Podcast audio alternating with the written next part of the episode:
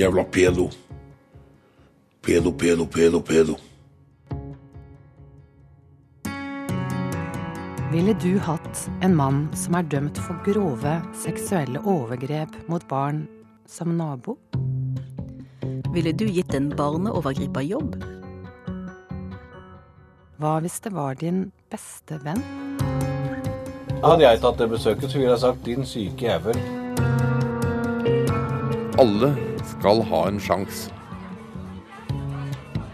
Hvorfor, hvorfor velger du til en ny sjanse til pedofil når det står 700 andre i kø for å ville ha en ny sjanse?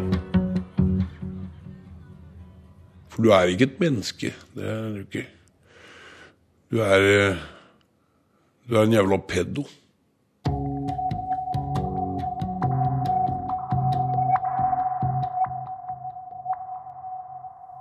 Du skal få møte en mann som er dømt for grove seksuelle overgrep mot barn.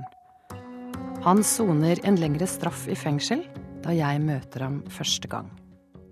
Han bærer med seg en mørk hemmelighet som han holder skjult for de han møter. Hva kan skje dersom hemmeligheten lekker ut? Hva er hans verste frykt, og hva håper han på? Dersom fortida blir kjent, har han da ei framtid?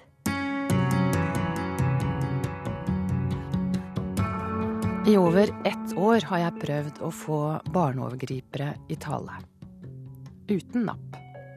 Inntil en fengselsleder ringte meg og sa 'Jeg har en kandidat til deg'. Han har vært i fengsel i flere år. Han soner en relativt lang straff. Første gang du traff han, så satt han i fengsel. Ja, og jeg var ganske spent på forhånd. Hvordan ville jeg reagere? Vil jeg føle avsky? Frykt? Eller vil jeg kanskje synes han var en ålreit fyr? Jeg var rett og slett litt nervøs. Vi har valgt å holde identiteten hans skjult. Her kaller vi han Stian, og stemmen er endret. Hallo, kom inn. Hei. Hei. En grov neve tar meg i handa. Den andre neven holder et godt grep om ei tobakkspakke. En voksen kar i slitte klær. Fast i blikket, litt usikkert smil. Ingen av hans medfanger vet at han stiller til dette intervjuet. Det er få i fengselet som vet hva han er dømt for. Jeg har valgt å ikke ikke ljuge. Jeg begynte vel med en liten dekkhistorie på hva jeg satt inne for. Det var etter tips fra vaktene når jeg kom eh, inn til soning, at det burde jeg gjøre. Finne en dekkhistorie. Et eller annet med narkotika eller et eller annet vold eller et eller annet sånt, for det var mer akseptert. Eh, Jeg syns det hørtes litt rart ut, i og med jeg hadde en problematikk rundt det å lyve. Og syns at eh, siden jeg nå hadde ordentlig godt i meg sjøl, innrømt de tinga jeg har gjort, hvilket råttent menneske jeg har vært, og skulle begynne nå å øh, Når jeg har bestemt meg for å være ærlig og oppriktig, øh, måtte starte hele den oppbygginga mi med en løgn. Men jeg gjorde nå det til å begynne med. Så jeg valgte rett og slett bare å si det at øh, når noen spurte, at det har dere ikke noe med.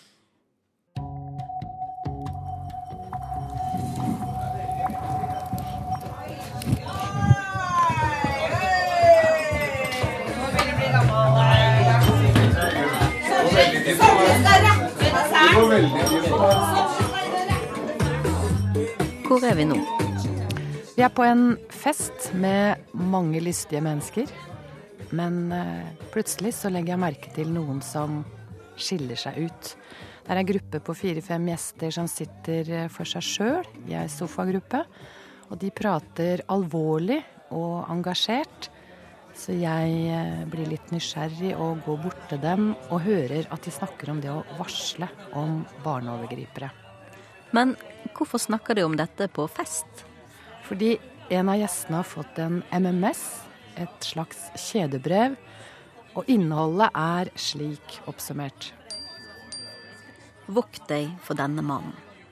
Han er en pedofil. Vi vil jo alle beskytte våre barn.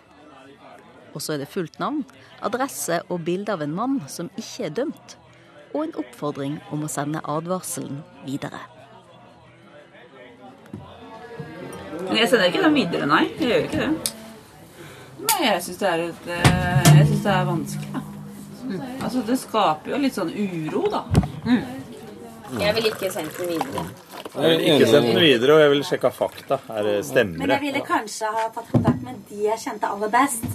Og sagt at uh, Har dere fått den? Ja, har dere fått den? Det er noe med hvordan, hvordan sjekker du fakta. Jo, du kontakter politiet, og du på en måte hører noe, så, også, men de kan ikke si noe. Nei, de kan de kan ikke si en dritt. Ikke sant? De kan ikke Jeg ville aldri videresendt den.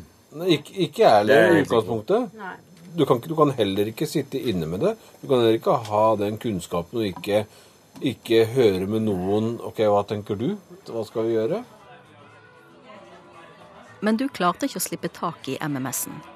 Du fortsatte å tenke. Ja, jeg gikk rundt med den ekle MMS-en på telefon. Det føltes som om telefonen brant seg gjennom lomma mi, og jeg ville helst slette den. Men nysgjerrigheten var der, og jeg lurte på hva er det som gjør at vi får tunnelsyn og hisser oss opp så voldsomt når vi snakker om hvordan vi ville ha reagert på å få en barneovergriper innpå oss. For hvem skal vi ta mest hensyn til? Hva bør veie tyngst? Et slags borgervern overfor barna, eller et rettsvern overfor den som har sonet straffen sin?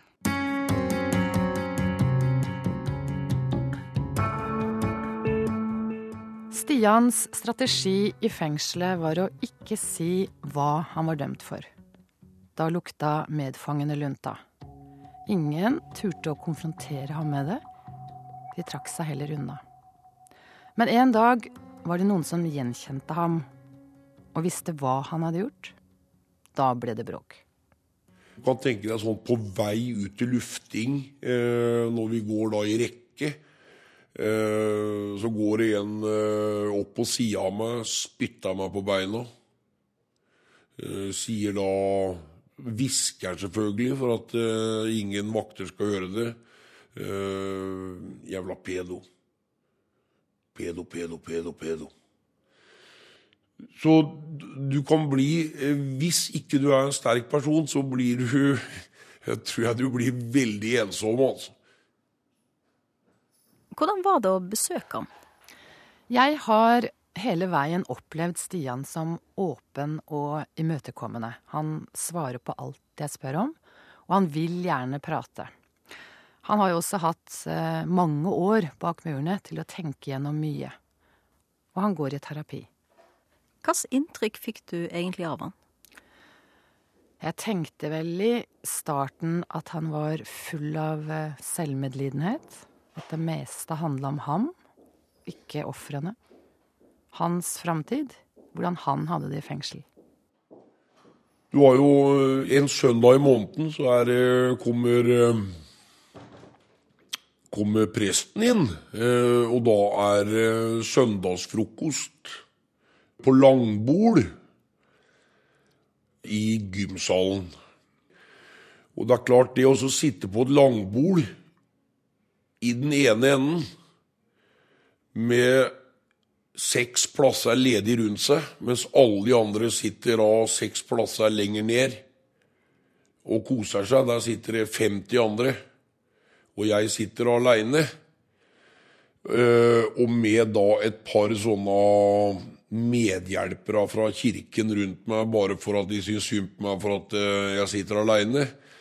Det eh, det er kleint. Det er, eh, det er å føle seg liten som menneske og ubetydelig.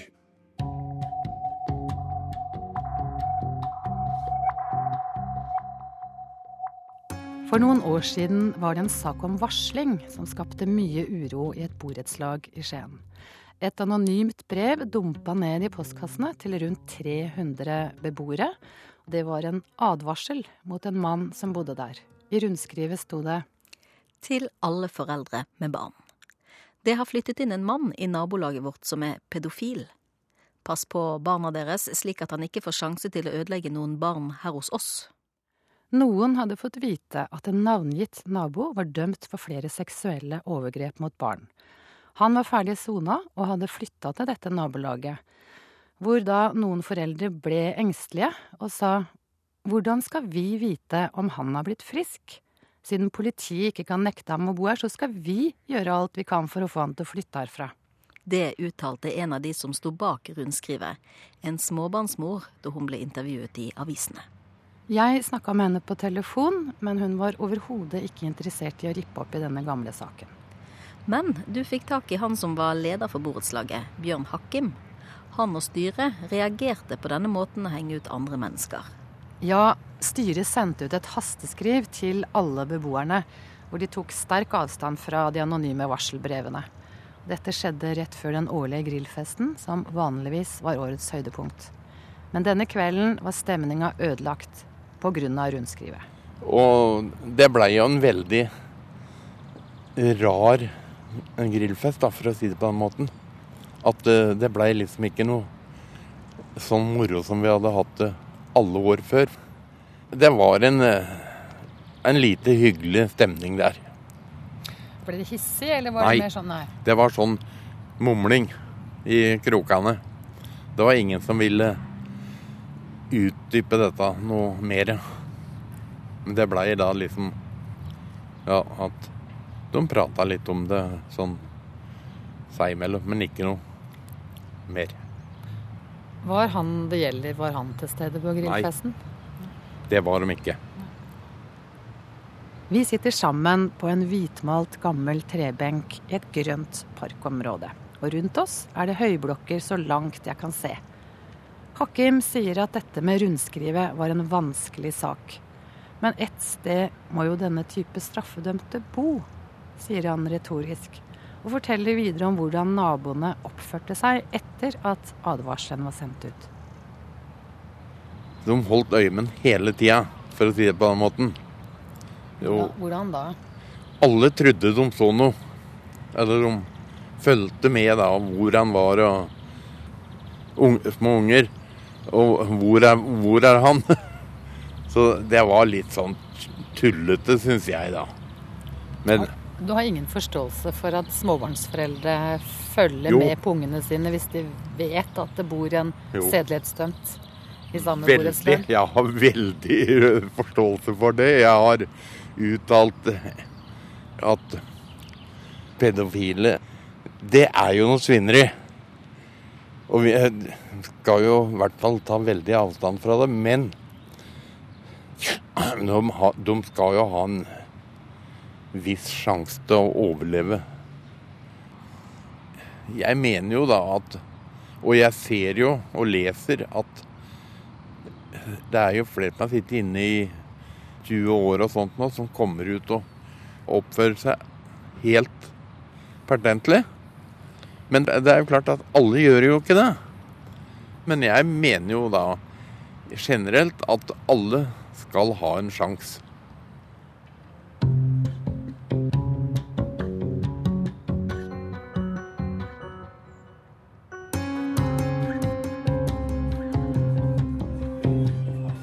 Er ikke så enkelt at vi kan peke dem ut. Altså, fare lurer på en måte overalt. Det kan jo, du sier at hvis jeg hadde hatt en i nabolaget, men vi har sikkert noen i nabolaget. Men hva hadde, du, hva hadde du, gjort hvis det var en pedofil i området? Nei, jeg, jeg, ville, jeg ville passet veldig mye på mine. Jeg ville sagt fra til mine og snakket med mine barns venner, eh, for, altså foreldrene. Jeg tror at det første måtte være også på en måte å snakke med fyren. Og, og litt avhengig av hvordan hans eh, respons er.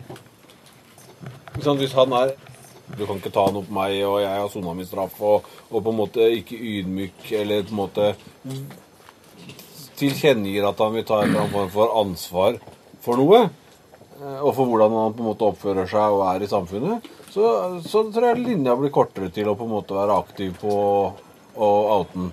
Men hvis han på en måte er en ordentlig ålreit, fremstår som en ålreit fyr eh, Jeg skal selvsagt være påpasselig og, og spille med åpne kort overalt jeg er. Så er det jo lettere å stole på at det kan faktisk skje.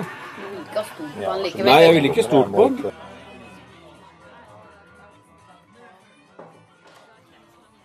Det å bli gjenkjent og trakassert er noe Stian tenker på mens han soner. Han får etter hvert innvilga permisjoner og reiser til hjembyen. Der opplever han noen ubehagelige situasjoner. Han er mest redd for at noen skal si Æsj. Stygg, avskyelig. Jævla pedo. Kan være sånne ting. Og det er jo sårende nok, det, men, men Sånn har det nå blitt. Det, det, jeg må jo bare ta det. Stian har to følgesvenner. Håp og frykt. De lever side om side.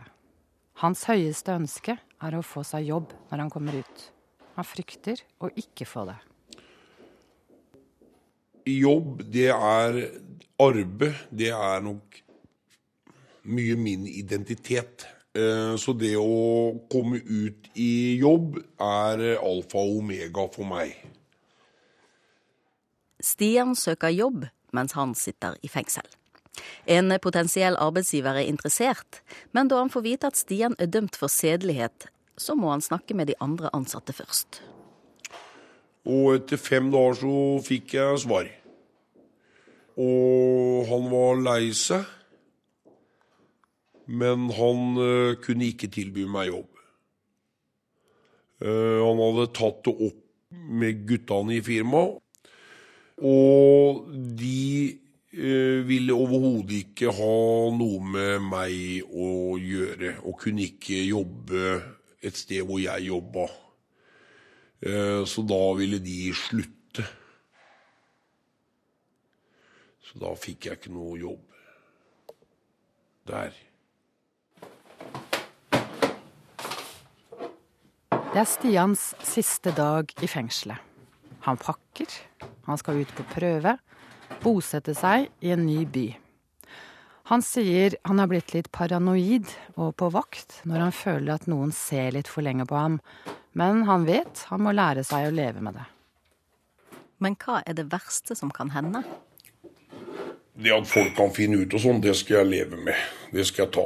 Men, eh, men det verste kan skje, er at ikke noen gir meg en sjanse. Eh, At ikke jeg får jobb, at ikke jeg kan bidra. Da hadde jeg ødelagt meg som den, Det er identiteten min, er arbeidsmoral og stå-på-vilje og sånn. Og hvis ikke jeg skulle fått lov å utøve noe, noe, noe jobb Det er det aller verste som kan skje. Så det håper jeg inderlig. Og jeg skal brette opp armene. Jeg er klar for å få mange nei. Jeg skal ikke la meg knekke av mange nei. Jeg skal gyve på igjen og igjen og igjen helt til jeg får ja. Eh, Og det skal jeg ha. Så det er sikkert øh, vanskeligere enn jeg har tenkt, men øh, det skal ikke knekke meg i hvert fall. Ville du ansatt en som er dømt for seksuelle overgrep mot barn? Jeg tror jeg ville gitt den en sjanse. Jeg innbiller meg det. Du håper det? Snakker du nå om Jeg en du kjenner, eller snakker du om en eh, Nei, en ja venn? Hvilken som helst. En hvilken som helst, altså Om det var en bekjent eller ikke, eller En du visste Du kan, jo- dømt, du kan jo ikke behandle naboen på Nei. noen annen måte enn Men annen. jeg tror at hvis jeg jobba Hadde en jobb som ikke innbefatta unger, da, i en sånn sak, så ville jeg vært villig til å gi vedkommende en sjanse. Men det er jo mange nok andre, jeg- det er mange nok andre kriminelle du kunne ha hjulpet ved å gi den jobben. Ja jo, men hvis Altså- du hadde satt opp noe, hvis det kom en raner og en pedofil, så ville jeg kanskje ikke ja, Men jeg tror ikke jeg ville tenkt sånn. Jeg ville ikke Jo, men, men du kan liksom ikke argumentere med at nei, der går grensa, for det er liksom ikke noen grense for hvor lavt ned skal det gå. men det, har noe med, det har noe med følelsen din, da, tenker jeg. For at det, eh, Men alle fortjener en sjanse. Per definisjon så har du sona straffen din når du er ute av fengsel. Da skal du starte med blanke ark. Per definisjon. Og så sier jeg at det følelsesmessig er ikke så enkelt i den type saker for meg. Ja, men da, da må vi kanskje utvide f.eks. type maksstraff. Nei, men handler, men. Hadde du visst at vedkommende var kurert, så kunne man jo si ja, ja, så kunne man kanskje lettere si at ok, jeg liker ikke det du gjør, men jeg aksepterer at du er her. Altså, jeg aldri, jeg er helt sånn- sykdom, da. Jo, det er, jeg kunne godt ha ansatt en kriminell, men ikke en pedofil. Av en eller annen grunn så har jeg en sperre.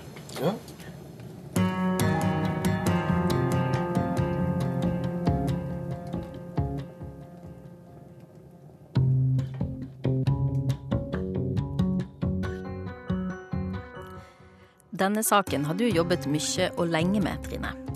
Ja, jeg har snakka med utrolig mange mennesker. Kriminalomsorgen, fengselsledere, en aktor, forsvarsadvokater, psykiatere og andre fagfolk. Og så godt som alle har sagt at dette er et utrolig vanskelig, tabubelagt og viktig tema.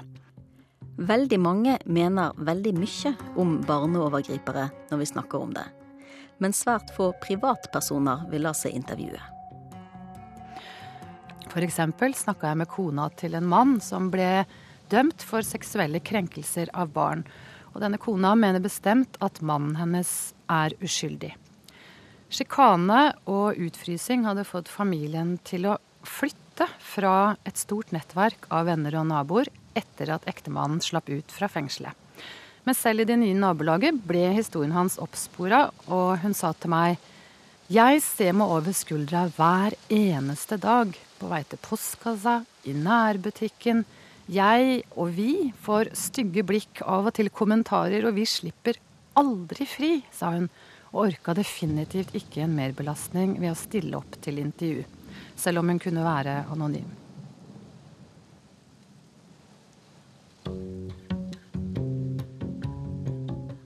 Jeg holder kontakten med Stian på telefon og e-post. Etter noen måneder ute i samfunnet var han på et nytt jobbintervju.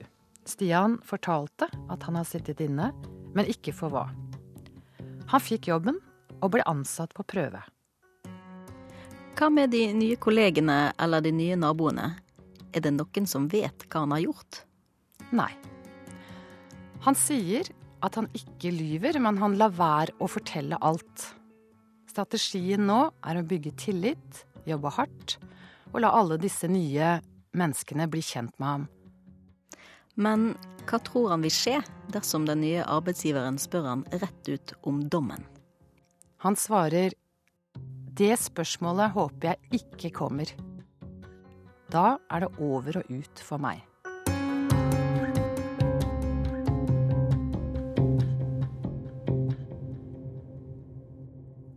Men har Stian noen venner igjen fra livet før soning? Nei, jeg har ikke noen kamerater igjen av de ute.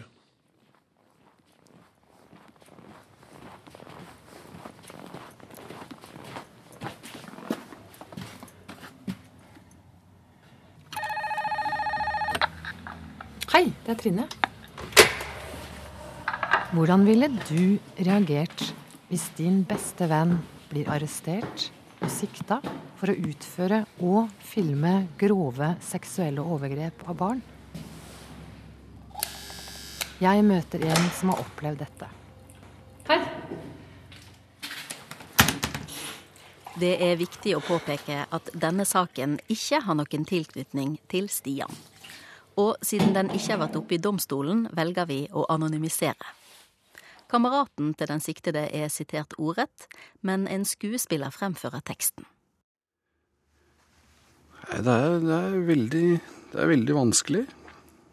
Det er den beste kompisen jeg har hatt da, gjennom hele livet. Vi har kjent hverandre helt fra ungdomsåra og lekt sammen og funnet på gutterstreker sammen. og Gått på ungdomsdisko og kjørt moped. og Vi har gjort alt mulig for hverandre og vært til hjelp for hverandre og alltid vært der for hverandre. da.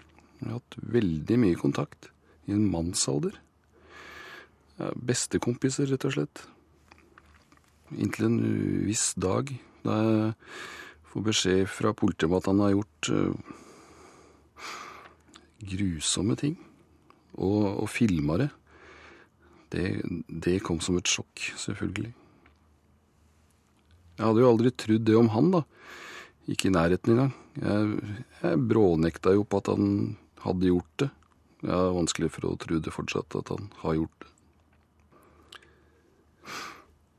Jeg har leita tilbake i historien for å se om jeg kunne se eller burde ha sett tegna, men nei, det var ikke noe som pekte i retning pedofili.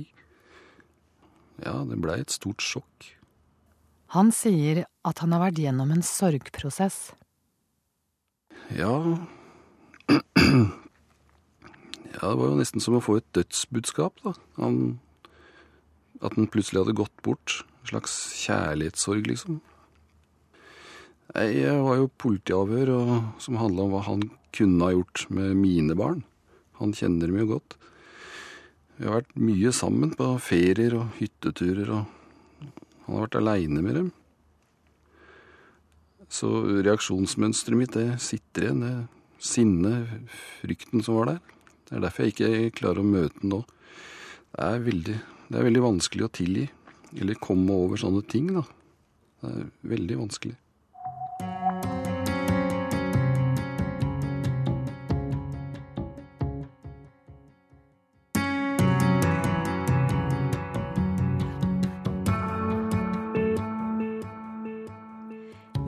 Klart å være venn med en som ble tatt for overgrep mot barn?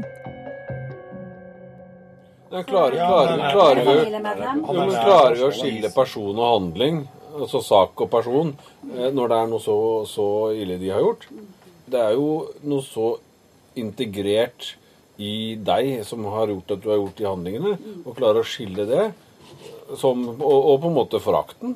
Forakten for handlingen vil være vil vanskelig la være å bli Er overført til forakt for personen. er det forakt? Nei, det er, for meg er det forakt. Jeg, synes, jeg vil ikke synes synd på sånne folk. Det tror jeg ikke jeg klare. Jeg tror jeg bare blir sinna. Jeg tror jeg ville Jeg tror jeg likevel ville eh, tatt det besøket og, og på en måte sagt at eh, Jeg ser hva du har gjort, og det er på ingen måte greit, men, men jeg bryr meg likevel om deg som person. Ja, Jeg hadde ikke- jeg- jeg, jeg, jeg tror ikke jeg ville bare vendt den ryggen had- og Hadde jeg tatt det besøket, så ville jeg sagt 'din syke jævel'. Men jeg innbiller meg at jeg likevel ville besøkt stakkaren i fengselet. Hvis det var en venn, så ville jeg også gjort det. Hvis det var en venn, så ville jeg også tatt det besøket i fengsel. Men jeg, jo, men jeg ville tatt det besøket i fengsel ikke for å si at eh, jeg har følelser eller omtanke for deg. Jeg ville tatt det for å markere avstand.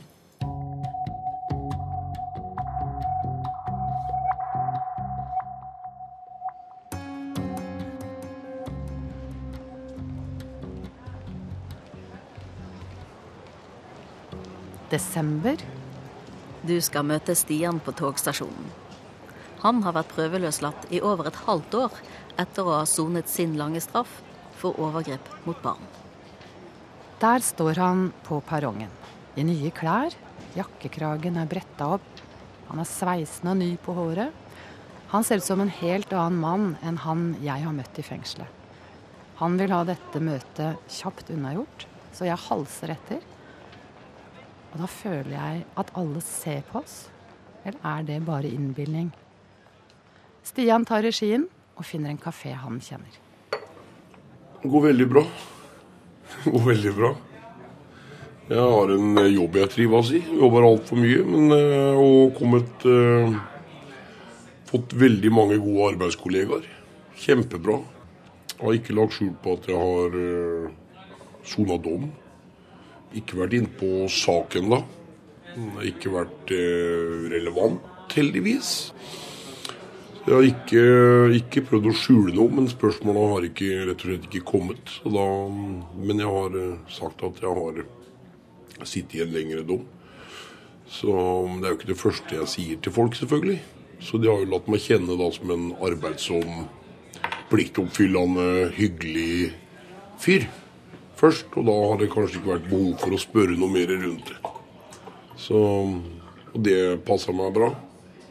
Ikke det at jeg hadde utlevert uansett til hvem som helst, men jeg hadde gjort det til noen da, hvis det hadde vært, eh, hvis jeg måtte det. Men jeg er jo glad for å unngå det. Vi snakker om jul. Han sier at han gleder seg. Jeg spør om hva som er den optimale julegaven, hvis han kunne velge hva som helst. Få oppfylt ett ønske.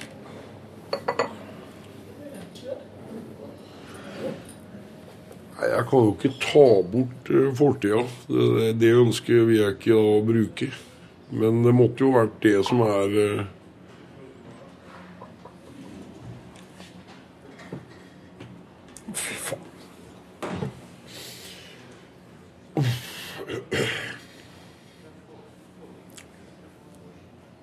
Det ble vanskelig. Åh.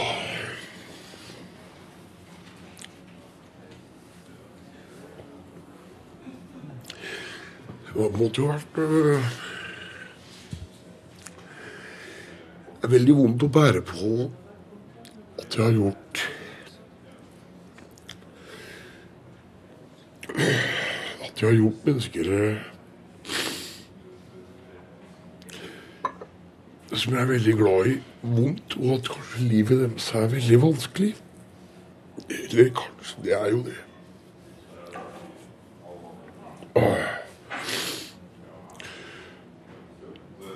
Så i hvert fall ønsket mitt måtte være at eh, For jeg skal klare meg uansett. Ønsket mitt måtte vært at de de det gjelder, kunne greid å få bearbeida ting som har skjedd, og så Så det tror jeg måtte vært ønsket mitt at de jeg har volda øh, vondt, at de, de, de kan, kan greie å Ikke tilgi meg, men kanskje ikke For det, det, det skal de aldri gjøre. Men at de kan Hat er en dårlig ting, da. Du kommer sjelden over noe, tror jeg. Så Unnskyld.